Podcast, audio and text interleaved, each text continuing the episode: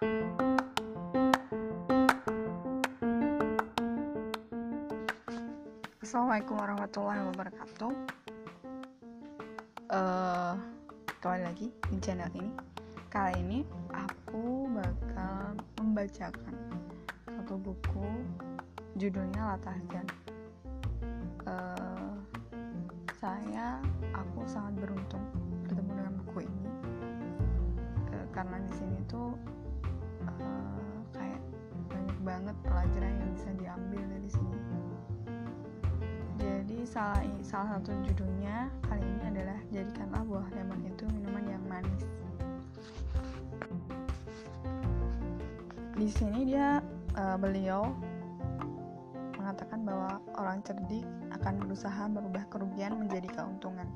Sedangkan orang bodoh akan membuat suatu musibah menjadi bertepuk dan berlipat ganda bertumpuk dan berlipat ganda ketika Rasulullah Shallallahu Alaihi Wasallam diusir dari Mekah, beliau memutuskan untuk menetap di Madinah dan kemudian berhasil membangunnya menjadi sebuah negara yang sangat akrab di telinga dan mata sejarah.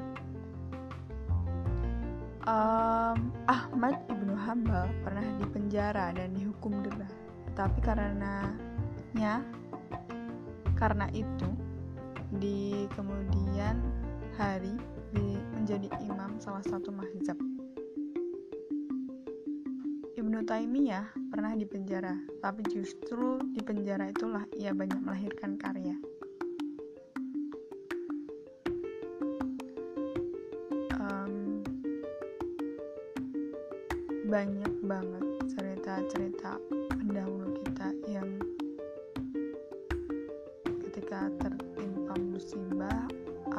atau suatu kepedihan, beliau malah berkarya. Jadi begitulah ketika tertimpa musibah, Anda harus melihat sisi yang paling terang darinya. Ketika seorang memberi Anda segelas air lemon, Anda perlu menambahkan sesendok gula ke dalamnya. Ketika mendapatkan hadiah seekor ular dari orang, ambil saja kulitnya yang mahal dan tinggalkan bagian tubuhnya yang lain. Ketika disengat kala jengking, ketahuilah bahwa sengat itu sebenarnya memberikan kekebalan pada tubuh Anda dari bahaya bisa ular. Kendalikan diri Anda dalam berbagai kesulitan yang Anda hadapi. Dengan begitu, Anda akan dapat mempersembahkan bunga mawar dan melati yang harum kepada kami. Seperti dalam Quran Surat Al-Baqarah ayat 216 boleh jadi kamu membenci sesuatu padahal itu amat baik bagimu. Sebelum terjadi revolusi besar di Prancis, konon negara itu pernah memenjara dua sastrawan terkenalnya. Salah seorang dari keduanya sangat optimis dan yang seorang lagi pesimistis bahwa revolusi dan perubahan akan segera terjadi. Setiap hari keduanya sama-sama melongokkan kepala melalui selah-selah jeruji penjara. Hanya saja sang sastrawan yang optimis selalu memandang ke atas dan melihat bintang-bintang yang gelap, gemerlap di langit. Dan karena itu, ia selalu tersenyum cerah. Adapun sastrawan yang pesimistis, ia selalu melihat ke arah bawah dan hanya melihat tanah hitam di penjara dan kemudian menangis sedih. Begitulah sebaiknya Anda selalu melihat sisi lain dari kesedihan itu, sebab belum tentu semuanya menyedihkan. Pasti ada kebaikan, secacah harapan, jalan keluar, serta pahala.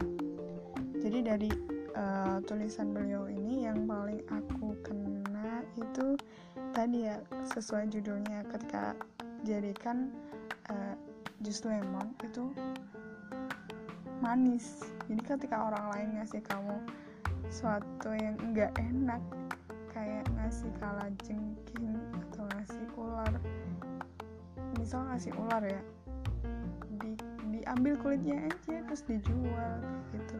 Jadi kayak ya mungkin nggak segampang itu tapi ada kok pikiran kayak gini. Jadi kan lo harus positive thinking kayak gitu.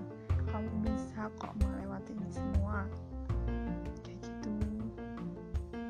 sekian terima kasih. Berjumpa lagi. Mungkin ke depannya aku bakal ngebacain um, bukunya uh, siapa ya namanya? Nanti aku kasih tau. Dan semoga bermanfaat. Assalamualaikum warahmatullahi wabarakatuh